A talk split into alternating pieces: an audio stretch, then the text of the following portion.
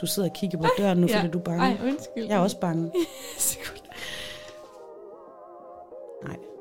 Jeg Nej, tager et nej. ø- Er det Aisha, der larmer, eller er det trappen? Det er Aisha. Shit.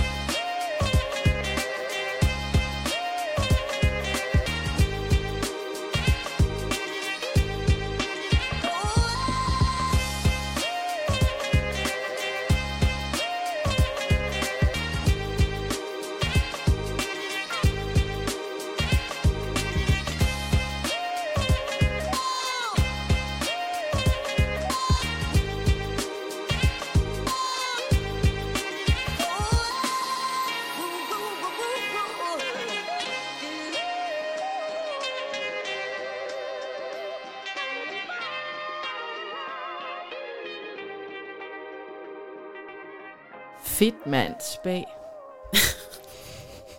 Den dør aldrig. Nej. Hvor gammel er den? 12 år eller Det sådan ved noget? jeg ikke. Og det værste, jeg så det ikke engang selv dengang. Det er noget, jeg lærte igennem Lars, fordi alle på hans arbejde så sådan, fedt mand, spag! Velkommen til siden sidst. Tak. Velkommen. Hej Sofie. Hej, Sati. Meget officielt. Min stemme bliver helt dyb, fordi det er vigtigt, det her. Det er faktisk næsten deadline, du lytter til nu. Ja. Og øhm, det er blevet onsdag, og som I kan høre, så sidder Sofie og jeg over for hinanden. Og det gør vi af den simple grund, at jeg nærmest har været med udrykning til Aalborg. Ja. Det føler jeg virkelig, jeg har været. Altså, jeg, det bobler min mave lige nu, ikke? Og det er også sådan lidt, jeg føler mig helt vigtig business, fordi jeg har stået på et tog øh, i morges i Aarhus, skyndt mig hjem, øh, løbet ind og taget nøglerne til min cykel og til studiet, og så cyklet herned, så jeg er faktisk først landet i dag øh, her sammen med dig. Det er simpelthen vores epicenter lige nu. Det er det her studie for det her møde med den her special udsendelse i siden sidst. Var det her dronningens 80 års fødselsdag, så var det det mobile studie foran Fredensborg. Ja, det, det er fuldstændig rigtigt. ja. Ej, hvor er det godt, I er her, fordi det bliver, det bliver godt nok episk nu. Det, det er en special udsendelse. Vi har kun én siden sidst historie med i dag, og det er din historie, Sofie. Ja, og jeg øh, går lige på hårdt, ikke?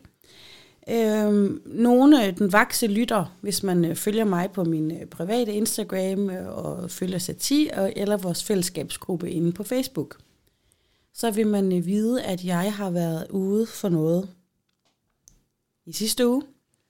Jeg har været fanget i et tog. Der kom jo den her øh, frygtelige endags ud af det blå sneværsstorm i Aalborg, Ja. i Nordjylland. Ja. Øhm, og den kom faktisk lige den dag, hvor jeg var på vej til Aarhus med et tog.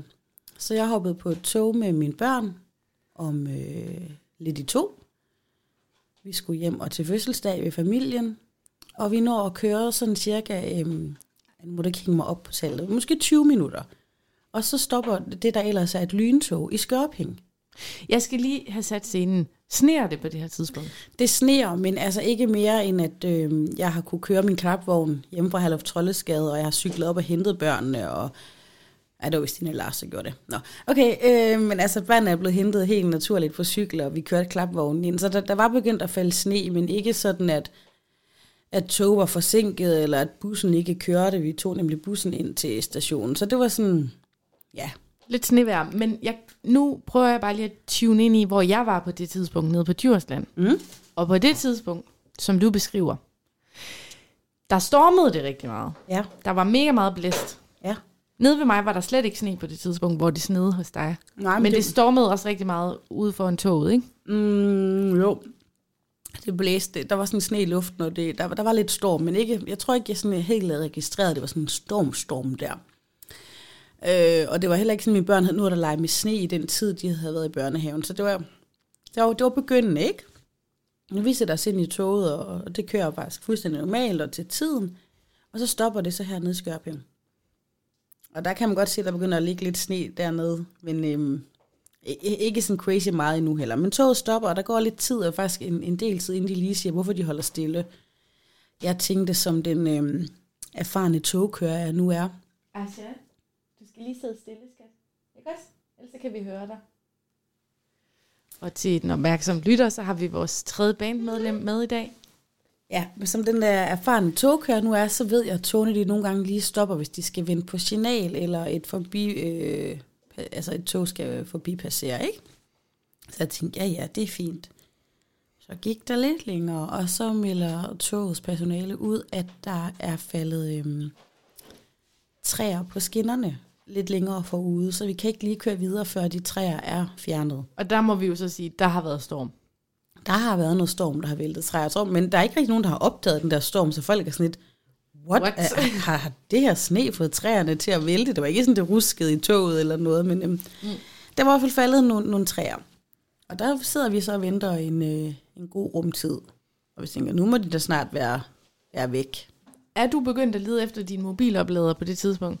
Nej, ej, det er jeg ikke. Jeg er heller ikke begyndt. Altså, vi havde faktisk ikke... Øh, vi tager sjældent mad og drikke med på de her ture, fordi turen er jo estimeret til at være omkring øh, en time og 20 minutter. Mm-hmm.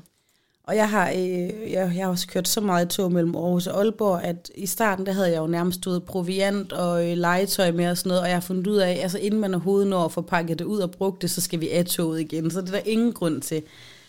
Og mine børn havde lige været på timer i børnehave for at lave noget julehygge, og så de havde lige fået madpakker. Ja. Så vi havde faktisk bare en dele Fanta med, en dåse Jeg havde sodavand. en deledåse med. Jeg havde lige taget sådan en dåse med, fordi øh, som børnene kunne dele. Og så havde jeg nogle Oreos kiks, som jeg lige havde fundet hjemme, jeg lige havde smidt i, i tasken. Og da vi havde ventet på timer, så, så finder de der Oreos frem. Så, Øh, men, så dele Fanta og Oreos, det, det, det, det er den ration, du har til atomkrigen ja. på det tidspunkt. Og nogle gange har jeg faktisk også dyner med ned til Aarhus, og sådan men det havde jeg ikke den her gang, fordi vi har alt nede ved min mor.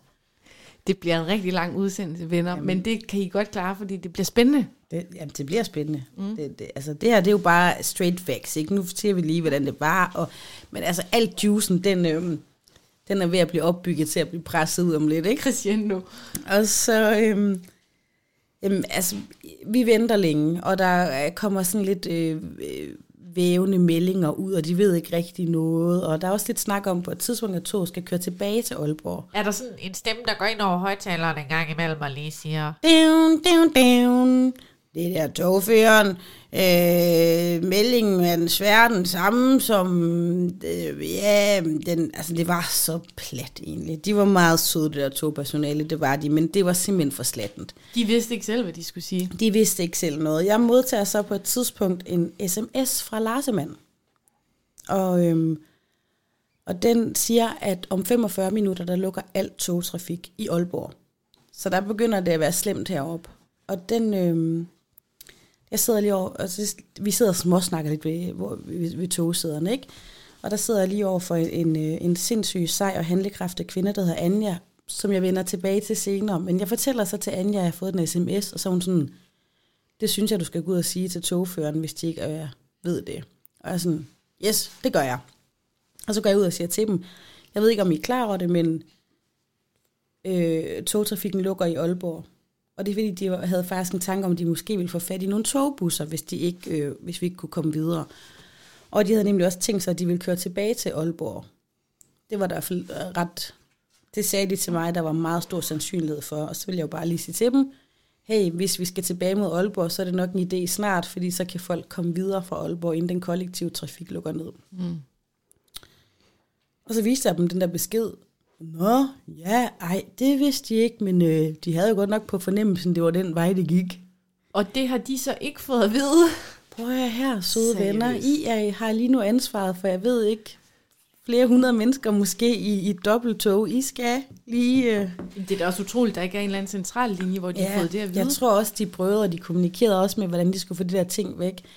Men altså, jeg håber helt klart, at de vil køre tilbage til Aalborg, fordi så kunne jeg komme hjem med mine børn, og øh, alle de mennesker, som potentielt kunne strande i Skørping, som jo ikke sådan har de store øh, husningsmuligheder ud over private, der er det jo lettere, at der ligger hoteller hele vejen rundt om stationen i Aalborg, ikke? Og, og madsteder, og ja, taxaer, mm. og hvad ved jeg. Alt andet er lettere i en større by. Men vi kørte ikke tilbage til Aalborg, og der gik lang tid, og så siger jeg på et tidspunkt, jeg skal lige høre, hvordan er det med det der Aalborg noget? Påtænker I stadigvæk at køre tilbage? Ja, men øhm, nu var det faktisk så, nu var der også væltet træer den anden vej. Oh. Så der var både væltet træer på nord, nord, Syd og nord. øh, syd og nord, ikke? Og der var ikke øh, nogen, der tænkte sådan, vi, vi fjerner træerne selv. Jamen, så begynder de at skal have noget... Jamen, Jeg tænkte også, er der ikke en eller anden gæv bundemand lige ud til den mark, der kan fjerne det træ? Men øh, åbenbart ikke. Senere hen, der siger de også, at de har nogle øh, køretøjer på vej ud for at fjerne dem. Der er sikkert sådan noget tog-rescue-agtigt et eller andet. Men øh, de kunne ikke få fjernet de her træer. Øh, og det er selvfølgelig super irriterende at vente. Men jeg kunne egentlig godt være i at vente, fordi det er jo ligesom... Det er jo ikke nogen skyld. Altså, sådan er det. Og det kunne mine børn også godt. Og nu skal jeg lige høre dig. Har du stadig kun én mobiltelefon Ja, til to børn? Jeg Og havde, dig? Jeg havde faktisk min, vi har sådan en stor iPad, der desværre er gået ret meget i stykker med, men den kræver uendelig meget strøm for at starte op. Mm-hmm. Øhm, så den finder jeg frem på tid øh, lidt senere. Så sidder børnene lige nu og deler en iPad, eller hvad gør de? Jamen, de sidder bare og snakker lidt med mig, og de er jo egentlig helt vildt tålmodige. Den ene kigger lidt på telefon, og øh, de var egentlig bare meget søde, sad og spiste de der Oreo-kiks der. Altså, mine børn er faktisk ret, ret lette. De var sgu søde. Øhm, da vi har ventet, og du, jeg kan simpelthen ikke, jeg kan ikke sætte tidspunkter på, på, på tingene, fordi jeg har talt så meget med journalister og sådan noget for, for nylig, så min hjerne er faktisk gakket. Jeg kan simpelthen ikke helt huske det, men vi venter lang tid, og omkring klokken måske syv eller sådan noget, og, og vi er så stedet på toget klokken to, ikke? Der får vi lov at komme i den lokale fakta. Nå. Der siger togføreren, din, din, din, øhm, at man kan få lov at gå op i fakta og handle, men man skal komme hurtigt tilbage igen. Hvorfor er det, at der ikke er nogen, der bare sådan løber væk der?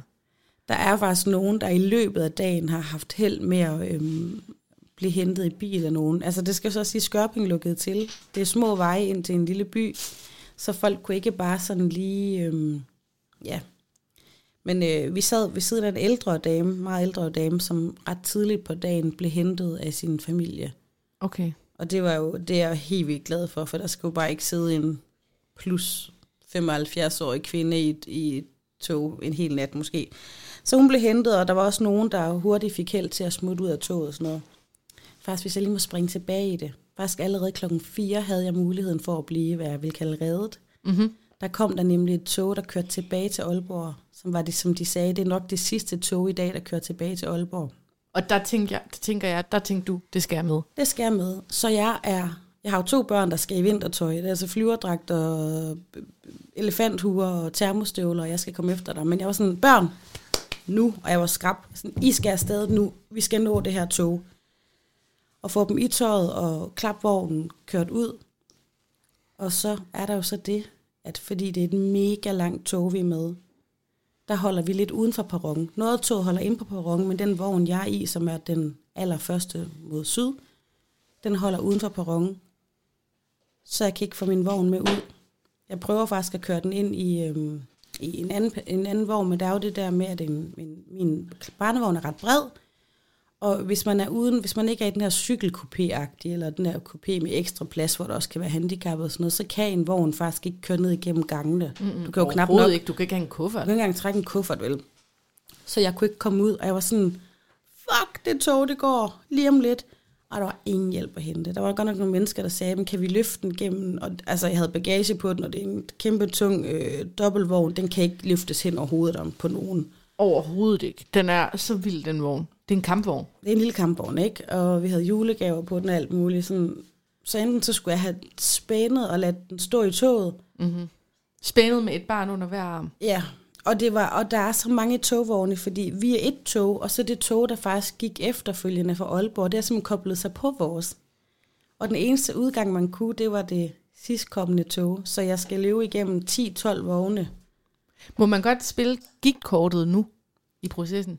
Det, det gjorde jeg slet ikke. Jeg tænkte, det går det. Nå, men jeg tænker bare for lytterne også. Altså Nå, sådan, ja. on top of it. Ja, Altså, don't run so fast. Ja, jeg har også jeg har en gigtsygdom, øhm, som faktisk er i fuld flor lige for tiden, så mine ben er ikke særlig gode, men, men det tror jeg faktisk godt, jeg nærmest kunne have været sådan, så vil jeg bare have haltet de næste tre dage. Altså, Ja. sådan kan jeg godt finde kræfterne og bare løbe afsted på to knækkede ben nærmest, ikke? Men, men jeg skulle have børnene med. Jeg kunne heller ikke sådan sige, I behøver ikke have overtøj på, eller vi lader bare jeres flyverdragter ligge, fordi altså, der var Nej, så kommer man ikke? snestorm. Øhm, men vi kunne ikke nå toget, og der var ikke noget hjælp at hente fra togpersonale, der sådan kunne sige, jamen vi holder det lige det andet fem minutter, eller selvfølgelig skal I med, eller vi bakker toget, så du kan få din vogn ud. Mm-mm. Intet. Det var bare sådan, det var, og så må du bare klare dig under de forhold. Ja, så må vi bare vente som alle de andre, og det gjorde vi jo så også. Og så er vi så lige tilbage til, at vi kom i... i Så, så du øh, missede fire toget, faktisk. Ja, Ja. det gjorde jeg faktisk. Og så, men senere så kom vi så op i den her famøse Fakta. Og der var sådan en dyb udenfor. Den har jo altså også øh, raset ned fra himlen i alle de her timer, vi efterhånden har siddet der. Øh, hende kvinde, jeg sidder for, som hedder Anja, hun er sådan sindssygt resolut og handlekraftig. Og sådan, kom, jeg tager dit ene barn i hånden, du tager det andet. Og sådan, ved, fik lige givet topper jakken eller flyverdragten rigtig på. Og, øhm, og så går mig, Anja og mine to børn i, øh, i Fakta. Og inden vi går i Fakta, der er Anja også sådan, hun sørger for at sikre sig, at alle dem, der sidder i vores togkopé, der måske ikke selv kan komme ud. Der var en udlandsk familie med et lille barn, der var syg. Sådan, hun sørger for, hvad vi gerne have, og, og om de spiser sig ikke gris, og sådan, okay, jeg finder noget, der er uden øh, svinekød, og hun var skide sej, ikke? Mm. Og Og alfa hun. hun var en alfa-hund, det kan jeg godt love dig for, hun var. Og Anja, hun tager mit, mit ene barn i hånden, og mig det andet, og så begiver vi os ud i den dybe sne, og henter lidt proviant, til vi kan klare os det Hvor næste. langt var Fakta væk? Øhm, det er faktisk ikke særlig langt væk, men der var jo mega lang sne, og man skulle sne om nogle stationsbygninger, nogle trapper, men måske 500 meter. Okay. Hvor mange gik med hen i Fakta på den tur? Mm, Jeg kan ikke øh, helt finde ud af det, for der folk de sådan vrimlede lidt rundt, og øh, jeg ved det faktisk ikke. Men du fulgtes med Anja. Jeg fulgtes med Anja. Og da vi kommer tilbage til toget... Nej, nej, nej, nej. Jeg skal høre, hvad I købte i Fakta. Nå ja, undskyld. Øhm, jeg købte drikkejoghurt til mine børn. Som Fordi det skulle- her, det er, jo, det er jo det, du køber i en krisesituation. Det er meget interessant. Ja, altså... øh, Jeg fortrød faktisk lidt væk to, der lå nemlig også en menu på den anden side. Og jeg ved per erfaring, at menu har en god delikatesse. Ja. Faktas lige lidt ud i køleskab med en, en salat, du ved, med en indbygget plastikgaffel. Not so much, men det virkede. Men jeg købte den her øh, pastasalat øh, med indbygget gaffelagtig, og øh, noget frugt til mine børn, nogle hindbær, og noget øh, æbler, og nogle bananer, noget kakao. Jeg tænkte, de skulle have noget mælk måske, som kunne holde De skal sig. noget calcium til natten. Og så fik de nogle drikkejoghurt, øh, de lide sådan små Actimel. Og det tænkte jeg, så ved at de får et eller andet i maven, selvom de gider. Og de var også stået, de synes det hele var mærkeligt, og de vil jo bare, vi vil ned til Aarhus, vi vil ned til mormor, vi skal til fødselsdag, og, og, og så købte jeg virkelig meget slik til dem. Ja, jeg tænkte nemlig, fordi det jeg vil gøre, jeg vil bare sådan give, give køb på alle mine keto-principper, og bare være sådan, Ja. hvis det her det bliver mit sidste måltid, så skal jeg have pirater. Jeg var også sådan, prøv at I bare vil spise stjernemix til aftensmad, det er fint. Og så købte vi nogle øh, kanelgifler, de der i en røde pose, dem elsker mine børn, og så købte vi en, en cola. Og øh, Du købte ikke et dameblad eller sådan noget? Nej, jeg havde endnu ikke engang helt fået Sådan- læst ud at se, og det er jo ellers en af mine yndlingsblade, ikke? Heller ikke tamponer, sådan, hvis nu du fik menstruation. Men det, det skulle jeg faktisk få den aften. Okay. Ja, det skulle jeg. Øh, nej, jeg har jo en stak børneblære med. øhm, og så købte jeg øh, en pakke rugbrød Ja. og en lille lever på steg. Hvad med cigaretter? Ja. Jamen, du, det, er jo, det her det er jo ikke for sjov. Altså, det er jo, det er jo, det er jo de ting, du jeg har. håbede sådan, at Anja Tønnesen, hun ikke ville se det, fordi øh, på det her tidspunkt, der ved jeg allerede, at hun er en sygeplejerske, og jeg kan jo godt regne ud, at hun er en sygeplejerske, der er en god en af slagsen, ikke? fordi Anja, hun får ting til at ske. Mm-hmm. Mens vi lige står deroppe, og vi, jeg køber sådan nogle donuts til børnene. Wow, jeg elsker... Din indkøbsliste, den er episk. Så siger Anja til, øh, hvornår lukker I her, agtigt, til, til ham, der står i butikken. Det er fordi, vi sidder altså et helt tog, der er strandet hernede, øh, så kunne, du, kunne det tænkes, at øh, alt det brød, du har i overskud, det kommer du ned og aflevere, når I lukker. og Anja, hun får det sagt på sådan en måde, hun, hun er ikke skrab, hun er ikke dum, men hun er, øh, altså, hun er autoritær, mm-hmm. ikke? Så det må Anja få sagt det på, der kan købmanden ikke andet end at sige, selvfølgelig. Okay, fedt. Så faktisk senere på aftenen, der øh, kom der, blev der leveret to sække med donuts og kager og alt muligt, som der blev delt ud i toget fra den lokale Fakta-købmand i Skørping. Det er altså smukt organiseret Ja, det var, det var sindssygt sødt. Anja var, Anja var rigtig god der.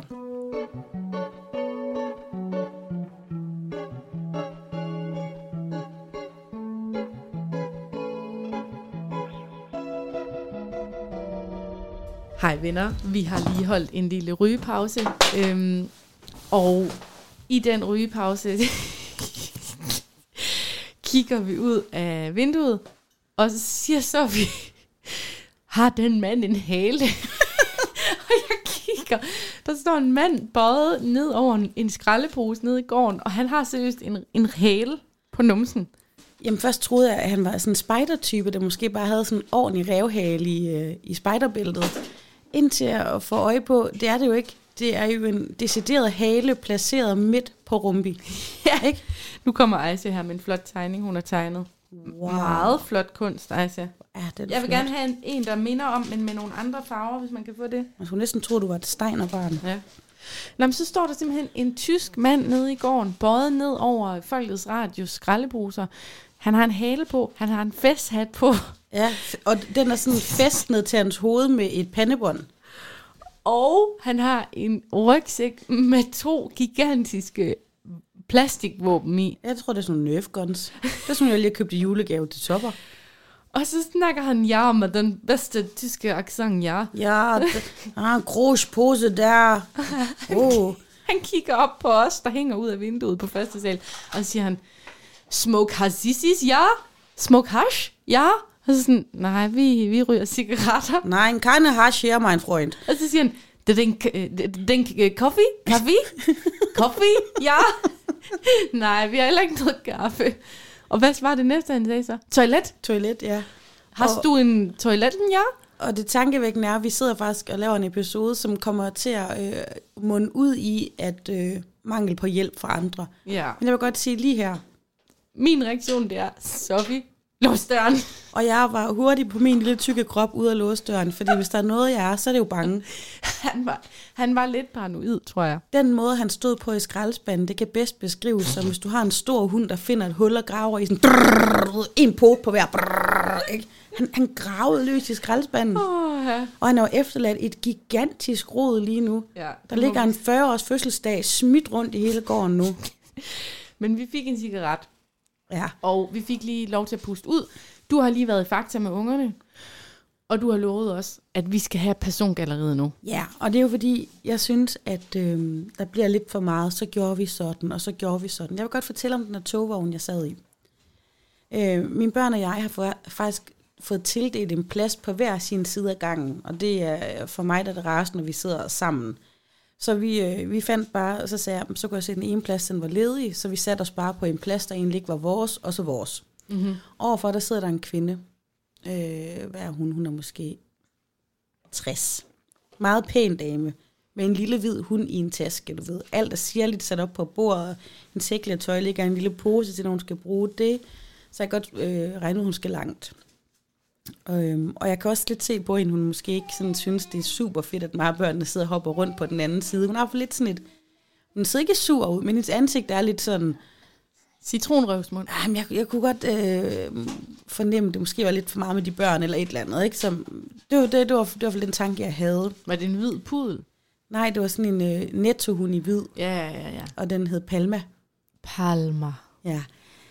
Øh, og det var sådan, det startede, og jeg sådan tænker, ah, hun er måske lidt skrab i det, eller sådan noget. Sidenhen viste det sig faktisk, at hun var mega, mega sød.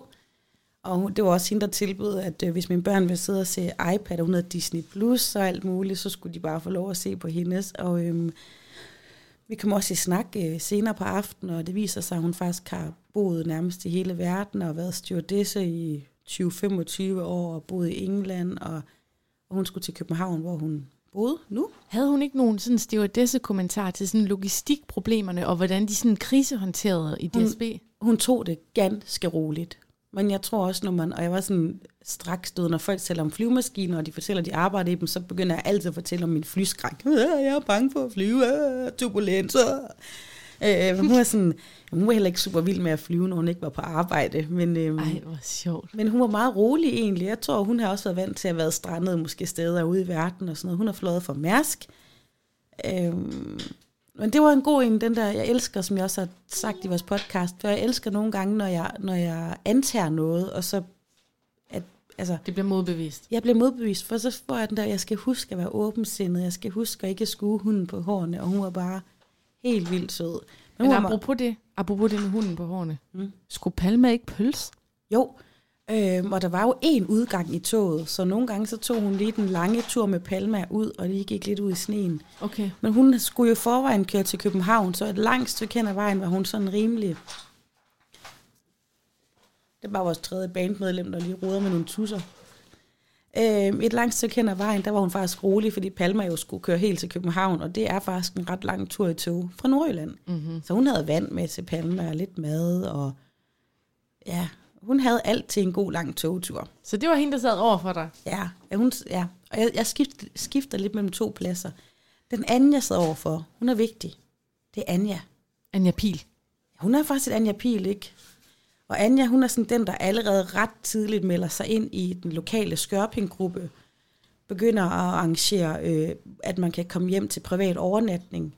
Og igen, jeg kan ikke rose folk i Skørping nok. De var så seje, kom med kage, tilbød husly, øh, alt muligt. De var meget, meget søde folk i Skørping. Wow. Og det er Anja, der orkestrerer alt det her. Så meget, hun på et tidspunkt får fat i en blyant og en serviet, og simpelthen sidder og skriver lister. Sådan hun kan pare, altså så hun kan lave sådan en match med, hvor, hvem der skal hjem og sove ved hvem. Wow. Og, og hun har faktisk efterfølgende skrevet til mig, hele det, det startede hun faktisk med at sætte i gang, så hun var sikker på, at mig og mine børn kunne komme et sted hjem og sove. Mm. Hvorfor vi ikke valgte det, det vender jeg også tilbage til. Cliffhanger. Men, øhm, men Anja, hun var, altså, og hun var også ret tidligt op og tale med øh, togpersonalet. Altså, jeg ser nærmest bare Anja, som jo også er sygeplejerske, så hun er nok vant til sådan noget med at gå på de lange hospitalsgange og sådan noget. Hun er op og ned igennem toget og taler og beroliger folk og snakker med folk. Og, øhm, altså, hun kunne lige så godt have haft... Øh, altså, hvis hun havde åbnet sin skjorte og trukket den op, så havde der stået sådan, Anja, Anja Tønnesen, du ved. Hun var superwoman. 100.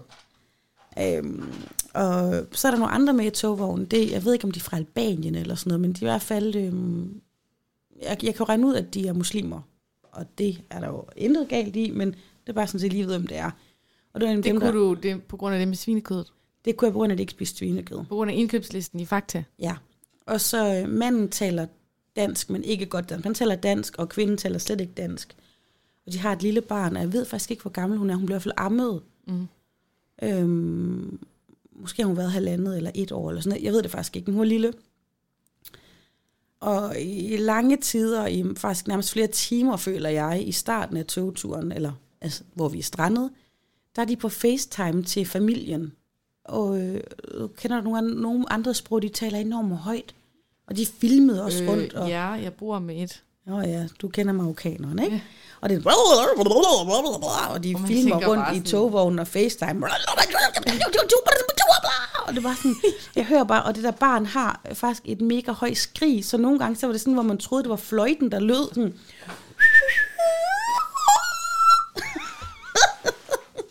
og der var sådan flere gange sådan, Åh, hvad sagde den, nu kører toget, men det var sådan set bare den lille øh, pige, der havde en høj lyd. Jeg elsker bare, når de der fremmede sprog, de kører, og man bare spiller det der vedkommende interview fra Lektieklatten ind i hovedet på et andet sprog. Ja. Fordi man bare tænker, nu, nu går det først helt galt. fuldstændig ikke, og man tænkte, hvad, hvad sker der?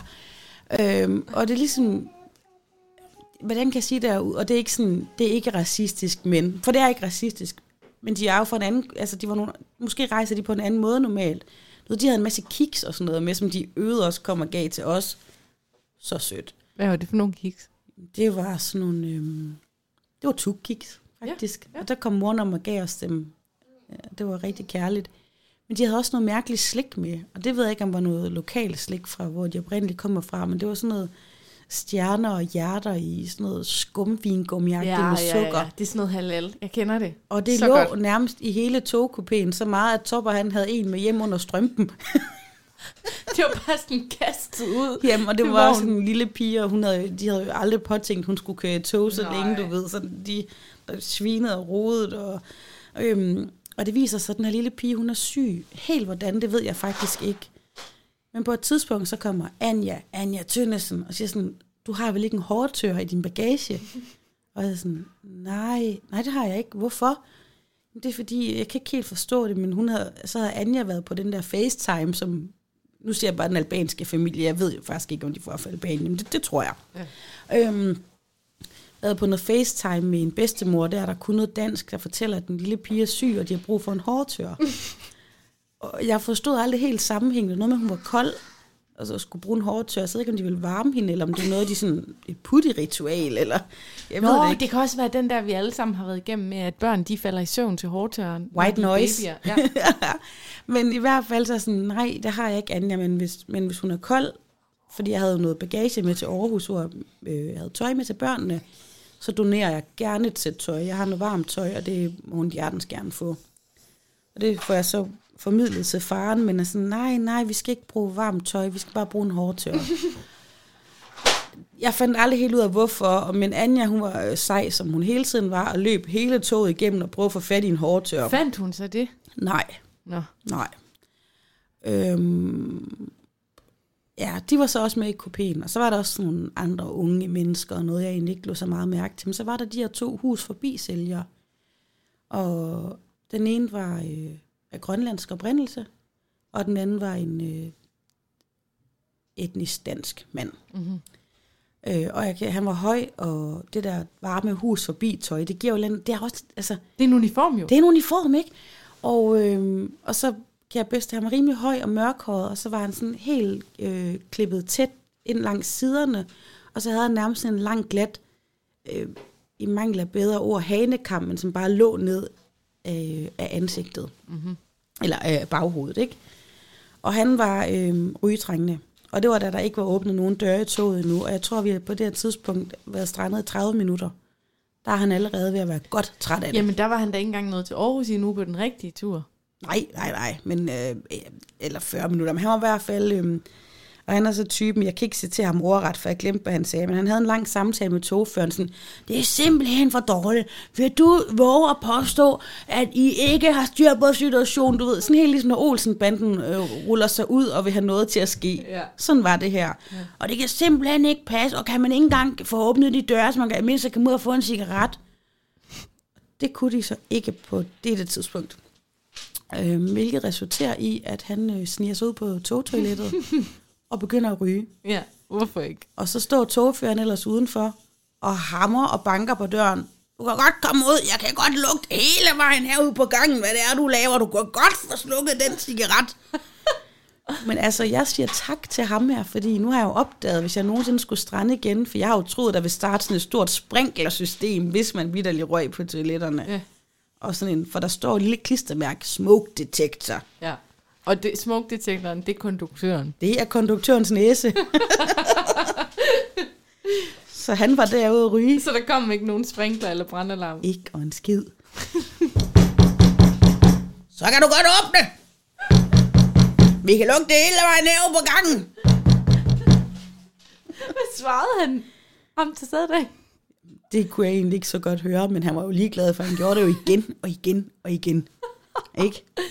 Det var det nye rygerrum.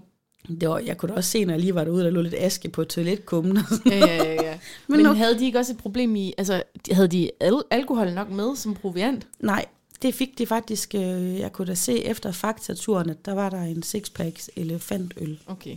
Så var der til et par timer endnu. Men det er jo også i sig selv et problem, at det er lagt op til, om man øhm, for det første kan gå op og handle. Der var der så, folk var enormt søde i toget, som nogen vil nok have hjulpet hinanden. Men det er jo ikke alle mennesker, der har økonomi til at lige kan gå op og proviantere en fakta eller et eller andet. Altså der, jeg ved ikke, hvor mange penge de her mennesker havde. Mm-hmm. Øh, det kan man heller ikke se på hinanden. Det er jo ikke sikkert, at øh, det kan også være den unge studerende, der vidderligt intet havde. Ja, så kunne man sikkert få mobile pay af bedstemor eller et eller andet. Men hey, vi kender ikke folks situation. Mm. Øhm, Det er heller ikke alle, der lige gider at købe sixpack med guldøl til nogle hjemløse. Nej, det havde, altså havde de spurgt efter øl eller et eller andet, og ikke, så havde jeg givet dem dem. Mm. Altså ingen problem. Men øhm, det var fald nogle af dem, der var inde i vores togvogn. Når man så skulle passere det her tog, altså der var alle typer, du ved, højskoletypen i øh, en stor, kraftig fyr i en t-shirt, så snart han lagde sig ned, du ved, så sagde den farvel til buksekanten, så der kom sådan en stor, dejlig, rund, blød mave ud, du ved, lå med armene under nakken i et alt for lille togsæde med hans stinkefødder, så jeg var ved at kaste op, når jeg gik igennem toget. Der var dem, der begyndte at sidde og spille med hinanden, du ved, og øh, altså, hold kæft, mand. Seriøst. Der er sikkert også nogen, der bare sådan har holdt sig for sig selv med sin Netflix i sådan syv timer, indtil at det begynder at gå op for dem. De er nødt til at tale med nogle andre i Ja. tog. Ja, den ene vogn, den var sådan helt højskoleagtig. Havde I masker på forresten? I, nogen havde masker på hele tiden. Palmas mor, hun havde, det var faktisk først nærmest klokken 11 eller 12, hun sådan, altså om aftenen, hun begyndte at tage den af. Øh, Anja, hun tog sin af ret tidligt, og det gjorde jeg også. Mm-hmm. Fordi det var, jeg kan for det første ikke særlig godt lide at wear a face mask. No. Og, øhm, Me too, honey. og ja, det var også alt for mange timer at sidde med den. Altså, Ja. jeg, On top of the pressure. Ja, så jeg tog den af, og, men så nogen havde den også på, når de gik ned igennem toget, og øh, nogen havde ikke. Men det var sådan crazy, den her med at sidde i. Det virkede bare som en eller anden lille kortfilm, der var i gang, du ved. Anja, der går i gang med at arrangere øh, den udlandske familie, der bare sidder og smider vingummier på FaceTime, de hjemløse, der vandrer hviløst frem og tilbage, og ved at blive som sådan en tiger i et bur, du ved. Og, mm. Altså, hold kæ- altså, og den lange konduktør, der prøv, han var egentlig ret flink, og han prøvede at sådan please folk, men han havde ingen pondus. Det Han er da jeg også ikke. bare fuldstændig udsat i sådan en situation. Nå, nu ringer det på. Jeg er så nødt til at kigge ud af nej, vinduet. jeg nej, sorry, jeg Nu kommer han. afbryder, Kan vi ikke låse den der? Så men vil jeg er bange for, at det er Så tyskeren. kan du ikke låse den der blå der? Skynd dig. Jo.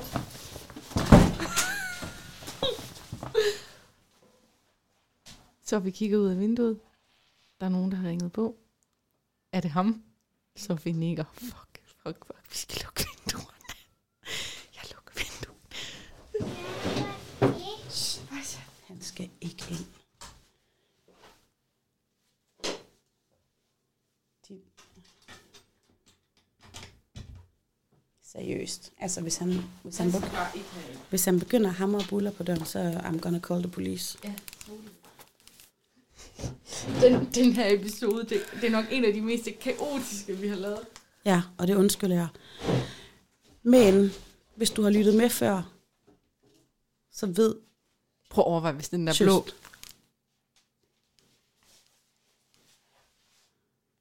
Der kom ikke nogen op ad trapperne, vel? Er dørene, begge døre låst? Jeg, jeg har låst yderdøren derude.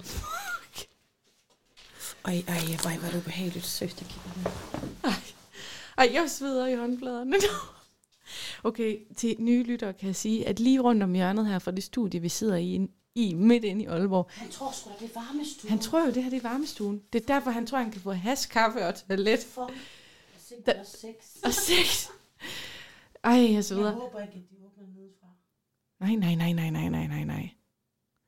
Altså, det er fordi, der er en varmestue lige rundt om hjørnet, hvor der er rigtig mange mennesker, der ikke har det særlig godt. Og han er en af de nye. Du går ikke ud. Nej, nej, jeg gør det ikke. Ej, nej, jeg er tosset. Vi barrikaderer os med en Fanta. Shit. Jeg skal ikke have de der plastic guns. Nej, men han er jo, han er jo tilregnelig, ham der. Det er helt tydeligt. Øj, jeg bliver helt bange. Jeg lugter af sved nu, for jeg bliver så bange. Jamen, jeg begynder at svede mellem mine fingre. Ej, jeg tager slyde en Rexona.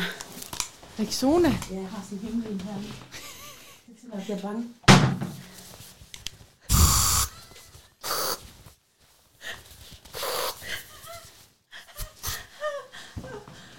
Elsker, at, at spray det jo, det lige kan kurere angsten. Ja, men jeg bliver bange. Oh. Så kan jeg lige sætte Rexona på. Var der en type som ham? Var der sådan en utilregnelig type i toget også dengang? Øhm, nej, men selvom de faktisk smilede til mig og børnene og var rigtig søde, så kunne jeg jo godt mærke, fordi jeg både har den her hjerne, hvor jeg bliver bange for, for mennesker nogle gange, men øhm, hus forbi sælgerne Mm-hmm. Havde måske mindre overskud end andre, og jeg kunne, sådan, og jeg kunne også se, at de drak alkohol og sådan noget, så jeg havde sådan lidt, hvor jeg tænkte, nu håber jeg ikke, de, det vi på et tidspunkt, der diskuterede de, og det blev lidt højlydt. Mm. Og så begynder min hjerne jo at tænke sådan, nej, det vil jeg ikke engang sige, hvad jeg tænkte, han kunne gøre. Men altså, Mm. de, de diskuterede lidt højlydt Ja. på et tidspunkt, og var sådan lidt opfarende og noget, hvor jeg sådan tænkte, åh, Man overgår ikke lige en slåskamp oven i hætten. Nej, og, og jeg er jo straks typen, der sidder og tænker, kan jeg få min numse under det der lille øh, hulrum mellem sæderne? Ikke? Det kunne jeg jo, da jeg var barn, men øh, det er muligvis sådan 25 år siden, jeg sidst sad derinde. Kom, kom, Topper. Kom, Kaja. Ja. Ned under sæderne. Ja, altså det er, ja, min hjerne, uha. Okay, vi skal lige have et recap. Hvor mange timer er der gået nu? Hvad, hvad er det næste, der sker i historien? Jamen, fast forward, øhm, forward, det er, at øh, Anja, hun skaffer jo en masse øhm, Sengepladser og hjemmefolk, altså lokalbefolkningen melder sig bare på. Og der kommer også en sindssyg sød kvinde ind i toget, en ældre kvinde, der hedder Hannesen. Er der nogen, der mangler sengepladser? Særligt henvendt til mig og børnene. Mm. Og jeg var lige ved at takke ja. Men grunden til, at jeg ikke takkede ja, det er nok også nogen, der tænker, hvorfor tog de ikke bare hjem til nogen og sov? Mm. Det er, at jeg har jo de her en treårige og femårige med. Og øh, Topper, han er ikke særligt sensitiv, men han er lidt sådan en lille betingsom sjæl, der ikke er super god til en masse skift. Mm.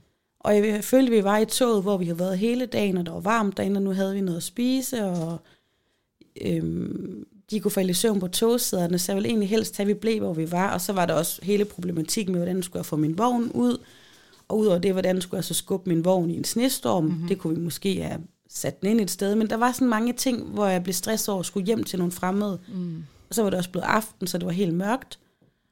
Øhm, så jeg følte egentlig, at det var bedst børnene bare faldt i søvn i toget, også fordi der var udsigt til, at vi nærmest bare skulle blive der hele natten. Og så følte jeg lidt, så kunne de ligge der og sove.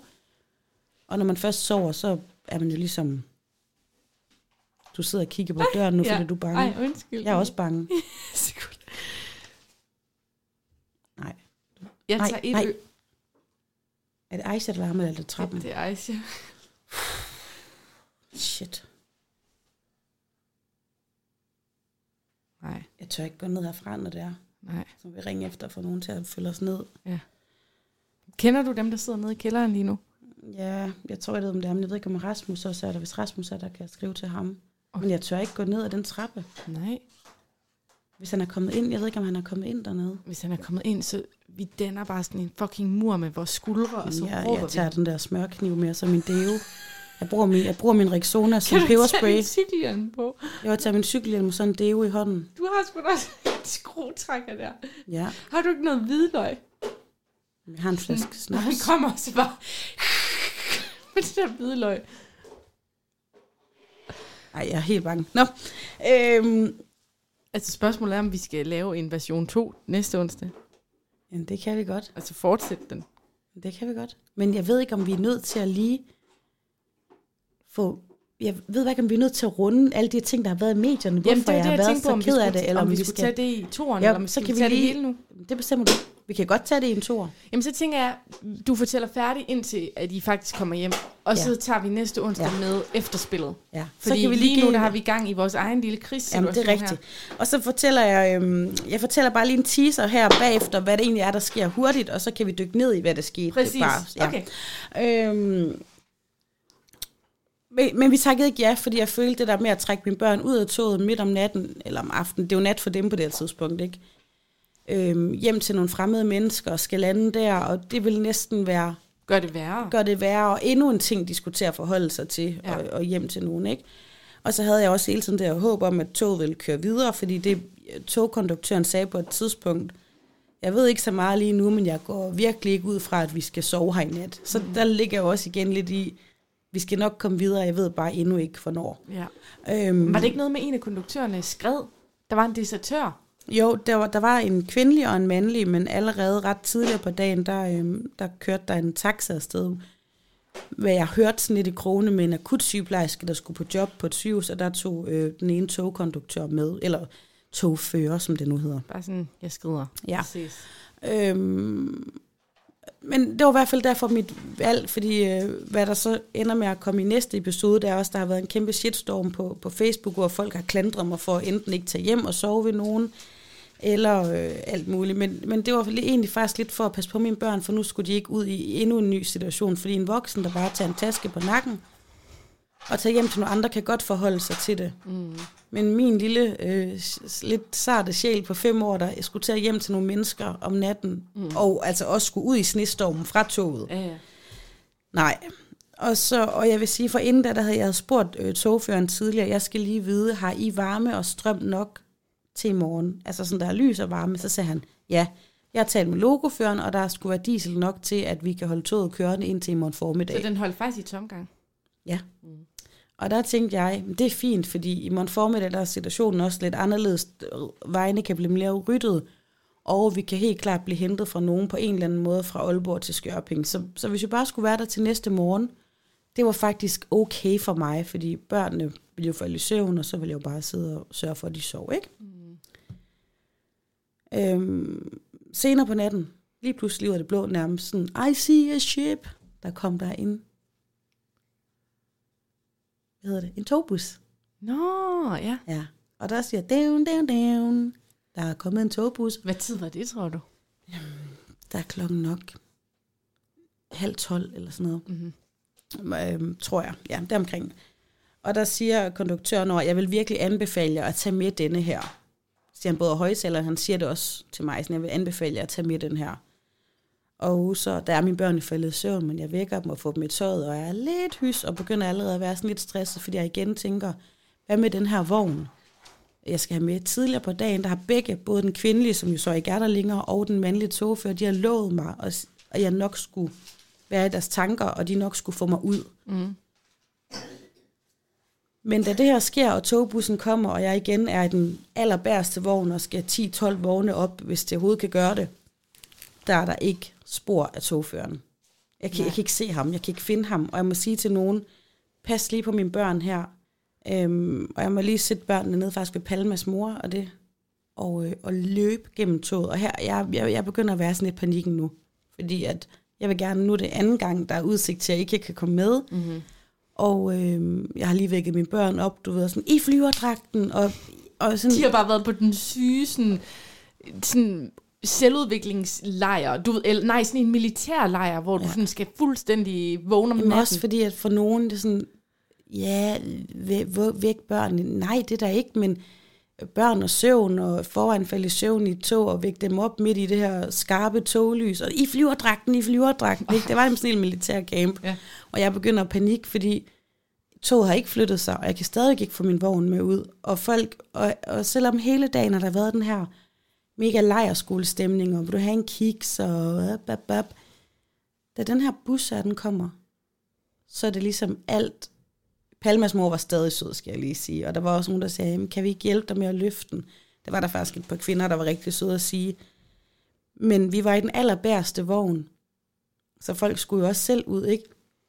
Og det er jo bare sådan ret tankevækkende fra, at man alle sådan har smilet til hinanden, når man er gået igennem toget hele dagen. Og, og det skal også siges, at i det her tog, der var der kun mine to børn, og så det her andet lille barn. Der var tre børn. Ja, så det var ikke et tog fyldt med børn, hvor folk måske ikke kunne kende det ene barn fra hinanden. Eller, altså, der var kun de her tre små børn.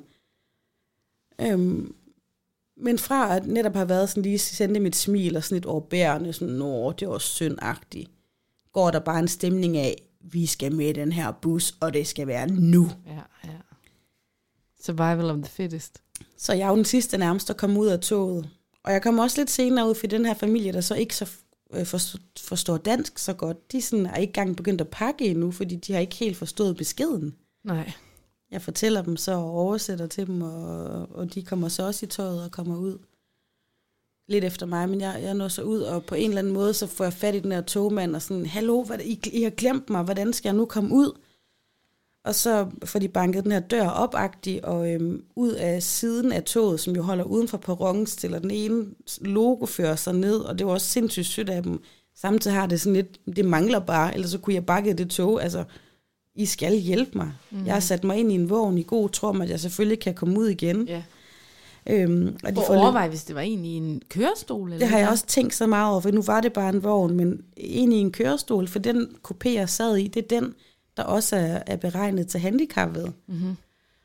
Så øhm, de får den her vogn ud og står ude i sneen, og jeg er jo så nærmest den sidste, der kommer ud til bussen. Og da vi så kommer ud, får vi at vide, at der er én plads tilbage. Ej. Og så går togkonduktøren ind i midten af bussen, og så siger han, og her, her græder mine børn, både fordi jeg har været sådan lidt, vi skal nå det, kom nu venner, og hvad med min vogn, og jeg er selv sådan lidt, jeg har virkelig bevaret roen hele dagen, men her bliver jeg sådan lidt. Så kommer vi ud til toget, og så siger toget, men jeg går lige ind og spørger, om der er nogen, der vil bytte plads. Så går han ind og siger, er der nogen, der vil gå tilbage? For, for det skal lige siges, at toget vil blive holdende jo selvfølgelig, ikke? Mm-hmm. Øhm, er der nogen, der vil bytte plads? Der står to grædende børn herude. Er der nogen, der vil bytte plads, så, hende, øh, så moren og hendes børn kan komme med? Tavshed. Ej. Og vi står udenfor. Og så spørger han igen, så siger han, jeg skal lige sige, at der er to, der er villige til at gå tilbage til toget, så moren og hendes børn kan komme med. Nå. desværre ikke, ja. Oh, okay. Så kommer han ud, og så siger han, det var der desværre ikke. Og så græder jeg. Og jeg græder så meget. Vi skal lige rise op her. Klokken er hvad? To om natten? Ah, det er den nok ikke. Den er, den er nok 12 her, eller Den er 12. halv et, eller Der sådan er noget. snestorm til knæene. Der er mega blæst. Og der er har to mørkt, børn, der græder, som ja. lige er blevet vækket. som normalt vil sove klokken halv otte. Oh my god. Og, der, og jeg græder, og jeg er så ked af, at jeg så med vognen og så med bagage. Jeg har fået det hele ud af et barn i hver hånd. Øhm, jeg havde jo ikke nogen mand med på turen, og jeg kan sagtens klare at være alene med børnene. Mm. Men lige her var det bare sådan tasker og ting.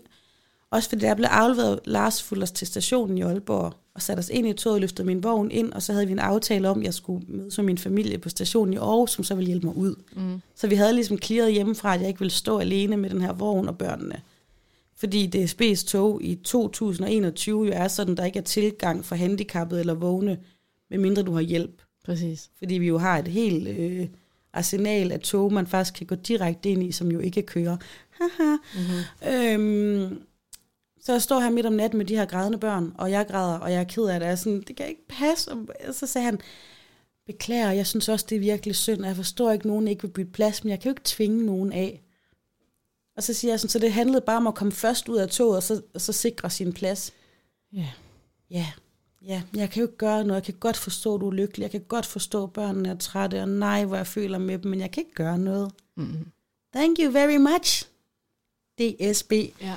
Øhm, Det er så, så, så det, der faktisk har fyldt for mig, udover at jeg synes, det var rigtig synd, at børnene de var bange her, og det er jo ikke, altså, og så har nogen også sagt til mig, bange, hvad var de bange for? Men hvad er man bange for, når man er tre år? Man er bange for mørke, man er bange for bare, at jeg nogle gange lukker døren, storm. sne, altså, kommer vi ikke hjem, vi troede, vi skulle til fødselsdag klokken tre, og her står vi Jamen, nu det er ikke. jo det, børn har jo ikke den hjerne eller indsigt, voksne har. Selvfølgelig altså, er de bange. Mit barn er bange nogle gange, når min vaskemaskine siger en mærkelig lyd, og så tror de, det er en zombie, altså. Det kan vi jo ikke begynde at opponere Og de imod. kan jo ikke behovsudsætte overhovedet, som vi kan. Nej, nej, det kan de ikke. Så jeg, jeg var sindssygt ked af det her, og jeg prøvede virkelig at holde mig i skinnet, men jeg græd. Jeg var så ulykkelig lige nu, altså egentlig ikke på mine vegne, for jeg skulle sgu nok komme frem. Men jeg var ulykkelig for at vække mine børn igen, du ved, og stå der med dem, og, og ikke egentlig lige kunne passe ordentligt på dem. Og mm. ja, vi gik selvfølgelig tilbage til toget, men der vidste jeg jo også, der lå i det, at jeg muligvis skulle vække dem endnu en gang på ja, nat, ikke? en ny togbus. Og der var ikke noget at gøre. Jeg sagde bare, "Men er det proceduren? Er det proceduren, at, at man ikke sørger for dem, der måske har mest brug for en, en øhm, plads? Og jeg ved godt, der sikkert også kunne sidde nogen dernede, inden der skulle noget vigtigt eller noget, men jeg, det var en turistbus, der var fyldt. Du skal ikke bilde mig ind, der ikke var to der, som, altså, som kunne vente, eller i hvert fald bedre kunne vente end, end en treårig og en femårig, der står og græder. Fuldstændig. Altså, I ved jo nok godt efterhånden, at så vi ender med at komme i medierne. Det skal I nok høre om også. Men faktisk blev artiklen øh, trygt i Jyllandsposten, som udkom søndag. Og det var i går i forhold til, hvornår vi optager, og min mm. far havde læst den. Ja. Og han sagde, altså helt ærligt, så fordi alle ikke kunne få en sele. Altså, altså det er jo fordi, det er jo på grund af DSB's sikkerhedsregler i den bus, Ja. højst sandsynligt, Ja. At de ikke bare kunne fucking proppe den med mennesker og få folk væk derfra. Ja, ja. Helt ærligt. eller sige det ene sæde, eller nogen kunne sidde med børnene. Og, men selvfølgelig, jeg respekterer også, at regler er regler, men det er også fordi, jeg kender mig selv så godt. Og igen, det bliver næste uge, hvor vi tager, hvad folk har kaldt mig på nettet. Men jeg, og det er ikke bare sådan en, nu sidder jeg her og heldig, jeg hjælper folk i nød, og det Ja. gør jeg, og det er ikke noget, vi taler selv om med potten, det gør vi begge to. Mm. Det er ikke noget, jeg ser som sådan en, se mig, men altså, jeg hjælper fandme folk i supermarkedet med at handle, hvis jeg kan. Jeg følger den ældre dame hjem, der er konfus og ikke lige ved, hvor hun bor. Jeg, øhm, trods gigtsygdom, så rejser jeg mig også i bussen. Bare folk har tre grå stænk af to mm. grunde. Den ene er, at jeg gider ikke at skudt i skoen, at jeg er sådan en dansker, eller sådan en udlænding, der ikke fatter at rejse mig for danskerne. Mm. Den anden er, at jeg synes selvfølgelig, at, at ældre, der har dårlig balance eller et eller andet, de har mere ret til den end mig. Ja. Sådan vurderer jeg hele tiden mit liv. Kan jeg gøre noget for nogen? Hvad, altså, giver det mening, at, at jeg optager den her plads? Og altså, er der nogen, der sidder i køen og venter med et spædbarn, der græder? Så siger jeg også til mine børn, du kan godt se, den lille baby er ked af det. Vi venter lige. Ja. Ikke? Men jeg troede, der var internationale re- regler om, eller sådan en forståelse af, at dem, man hjælper først, det er dem, der har et handicap, det er de meget gamle, og det er de meget små. Ja. Det troede jeg bare var sådan, det var. Og jeg vil også, og havde der været andre børn, havde der været endnu mindre børn foran, så, ville jeg, så havde mine børn sikkert stadigvæk været ked af det, så ville jeg også sige til dem, Jeg kan godt forstå, at I gerne vil med, men den lille bitte baby må ikke stå herude og fryse. Mm. Den skal med. Ja. Så havde det givet mening på en eller anden måde. Men nu var det bare kun mit barn, eller børn, og et andet barn, ikke? Mm. Og jeg sagde bare med det proceduren, og, og det er så det, der har fyldt sindssygt meget for mig efterfølgende, er, for vi, vi har jo klaret os, mig og børnene, og vi kom i sikkerhed senere på natten, Var det ikke klokken 4, I kom til Aarhus? øh, halv fire. Med bus? Ja. Så du vækkede dem igen? Jeg vækkede dem igen og tog dem ud. Altså både. Øhm, men hvor jeg så tænker, og faktisk dem, der nåede togbussen, var faktisk dem, der var kommet sikkert med det sidste tog, fordi det var, Det var dem, der havde ventet kortest tid endda, ja. Yeah. Fordi de var tættest Så på. det vil sige, hvis du sidder tættest på en udgang, eller du er hurtigst på benene, så har du første ret. Og, det er ikke, og, det er, og, og hele den her sag, det er ikke kun noget, der fylder på mine og mine børns vegne. Det fylder også for, om det er en bedstemor, der står derude næste gang, om det er en mentalt handicappet, der Psykisk måske ikke øh, syg. forstår beskederne eller et eller andet. Så det vil sige, og som jeg også er citeret for i BT, det er, survival of the fittest. Den, der er hurtigst på benene, den, der er stærkest, den får pladsen. Mhm. Mm-hmm. Og det synes jeg simpelthen, der mangler DSB nogle retningslinjer. Og det er jo fuldstændig sindssygt, når man tænker på, at til januar, der er det to år siden, at vi havde den største togulykke i Danmark med otte døde. Mm. En krisesituation. Øh, plus, når du er stewardesse for eksempel, så skal du have, hele tiden have sikkerhedskurser i menneskelig psykologi, i logistisk sikkerhed. Ja. Hvorfor fanden er DSB ikke... For det første, der er nogen, der tager hjem med en taxa. Man har jo brug for, man har jo brug for ansatte, man har brug for nogen, der leder gruppen, man har Ja. brug for nogen, der skaber ro, man har Enig. brug for nogen, der skaber system. Hvorfor gør DSB ikke det? Det er da fuldstændig grotesk, at der er en stakkels togkonduktør og to togførere. Altså, de skal jo træde karakter og bruge den uddannelse, som de så åbenbart ikke har. Ja. Det er godt nok langt ude. Ja, og jeg føler det virkelig, altså, øhm, og det er heller ikke fordi, måske var det en luksus ting, men de kom heller ikke og sagde, hvor du låne et tæppe til børnene, eller et eller andet, det ved jeg godt måske. Ej, du har ikke sagt det med tipsene. Nå ja, øhm, tidligere på dagen, der fik jeg øhm, to, kender jeg sådan små pose tips, man også kører, når man er på bar. Ja, der er sådan to en håndfulde minipose tips. tips. Ja. Fordi vi vil faktisk købe nogen, fordi at vi ved, at man kan nogle gange handle lidt i toget, og så så min telefon med ned, så jeg kunne betale. Men det kunne de ikke lige administrere der, og så sagde den ellers egentlig også meget kvindelige, søde togfører, du får dem her, men skjul dem lige. Det er helt unikt, I får dem, og I skal ikke sige det til andre. Fuck dig. Undskyld mig. For, fordi så fik jeg lige lov at få to poser tips til mine sultne børn, du ved, og vi taler igen om altså, julekalenderstørrelse tips, ikke? Hvorfor er det, de ikke åbner hele deres kiosk op for alle? Ja, enten kiosken op, eller siger, vi har det her, vi må dele, eller et eller andet, eller til børnene i det mindste. Jeg tror, de fleste folk godt vil kunne forstå, at, der, at hver barn, hver af de tre børn i hele toget, mm. ud af to tog, fik en lille pose tips. Og så skulle jeg igen føle mig sådan helt særlig udvalgt og heldig, og det var sødt af hende, og måske er hun ikke... Øhm, altså hun var sådan, og så må jeg tage ansvaret for det. Tag ansvaret for to poser tips, der har kostet halvanden krone i indkøb. Stop, stop, stop. Ja. Ikke? Altså. Min far han sagde også, efter han havde læst artiklen, at der er undersøgelser, der viser, at for eksempel ved skibsforlis, øhm, dem der overlever, det er dem, der rejser alene, og, og de unge, stærke mænd. Det, det er dem, der overlever, og det er fordi, det er dem, der ikke tager sig af andre. Hvis du har andre, du skal tage dig af i et skibsforlis, forlis, for eksempel din familie, så er du meget større risiko for at dø, fordi de andre stærke mænd ikke hjælper. Ved du, hvad jeg mener? Ja. Det er jo, det er jo, du har været midt i ren menneskelig psykologi. Det har jeg. Og det er så crazy, fordi at netop den der følelse tidligere på dagen, sådan lidt smile til hinanden, og vil du låne min kuglepind og sådan noget, ikke? Har du en oplader? Ja, lige pludselig. Der var det bare sådan, og måske er det også sådan, menneskeheden overlever, men øhm, der er sgu nok lidt for socialistisk og solidarisk til at bare sådan kunne hytte mit eget skin, fordi at, jamen, altså, det, det, er var jo direkte sindssygt. ondt. Det er jo direkte ondt som voksen menneske at lade, unge, lade børn i stikken. Ja, og jeg føler også lidt, at altså, jeg ville jo have ønsket, at nogen i det øh, tog eller bussen selv kunne have, have administreret og, og opført sig ordentligt over for hinanden, eller give plads til de mest sårbare her. Og i den situation var det altså mine børn, svageste led. Ja. Når det så ikke kan ske, hvorfor har togføreren så ikke noget autoritet til at sige, og i virkeligheden, kære DSB, hvis jeg lytter med her, inden bussen kom, der skulle han have været nede og prikke os på skulderen og sige, der er tre pladser til jer. Selvfølgelig. Ikke? Jeg har sørget for det, og, Og din vogn. babyen. Og han glemte jo den her vogn igen igen, som de havde lovet mig højt og heldigt tidligere på dagen. Ja. Nu overfører jeg det, for det var ikke en handicappet, men havde det været en handicappet, der sad i en kørestol, ville han så også bare have glemt ham. Helt ærligt. Det, øhm, så det har, det har fandme været nogle intense dage. Det kan jeg fandme godt forstå. Og det slutter jo ikke her, fordi det slutter slet ikke her historien. Nej. Fordi at øh, du så vælger med, med råd fra din presserådgiver at gå ud med historien, hvilket jeg synes er mega, mega sejt, og ligesom tage den offentligt, den her, for at få noget fokus på, som jeg jo synes er hovedover... Altså, der er to vinkler i det her. Det ene er menneskepsykologi, og hvordan vi hjælper hinanden under pres. Klart. Den anden vinkel er, at statsbanerne, DSB, skal have en krisehåndteringsplan. De skal have en måde at prioritere klienter på, eller hvad kan man sige, passagerer på, lige så vel som man taler om sygehuse lige nu, skal have en prioriteringsliste i deres patienter, når der er krise. Ved du, hvad jeg mener? Præcis. Det er så langt ude. Men øh, skal vi fortsætte den næste uge?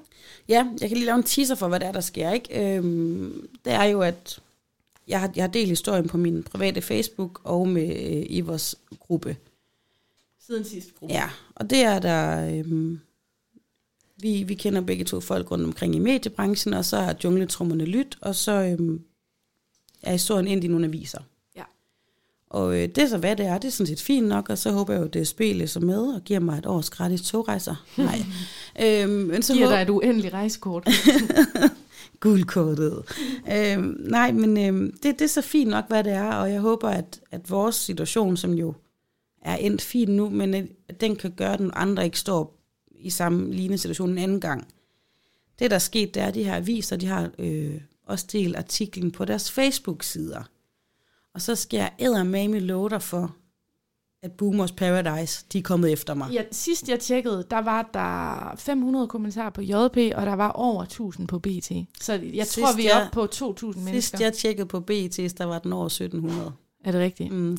Vi har nok 5.000 mennesker, der Og forholder der var i sig hvert til fald det de tusind af dem, der mente, at jeg var den, med deres ord, en kost og en gimpe og en kælling, og, øh, øh, og de racistiske, dem tager vi i næste episode. Ikke? Ja. Men det er helt sindssygt, så voldsomt det har været. Og jeg har modtaget private beskedanmodninger, altså hvor folk privat har gået ind og fundet mig på Facebook, og skrevet beskeder til mig for at fortælle mig, hvor udulig og nederen Det jeg er. mener du ikke? Har du også fået private? Ja, ja, det har jeg. Ja, det. Til sidst så turde jeg ikke at åbne dem mere, men så åbnede en af dem, og så var den faktisk helt vildt sød.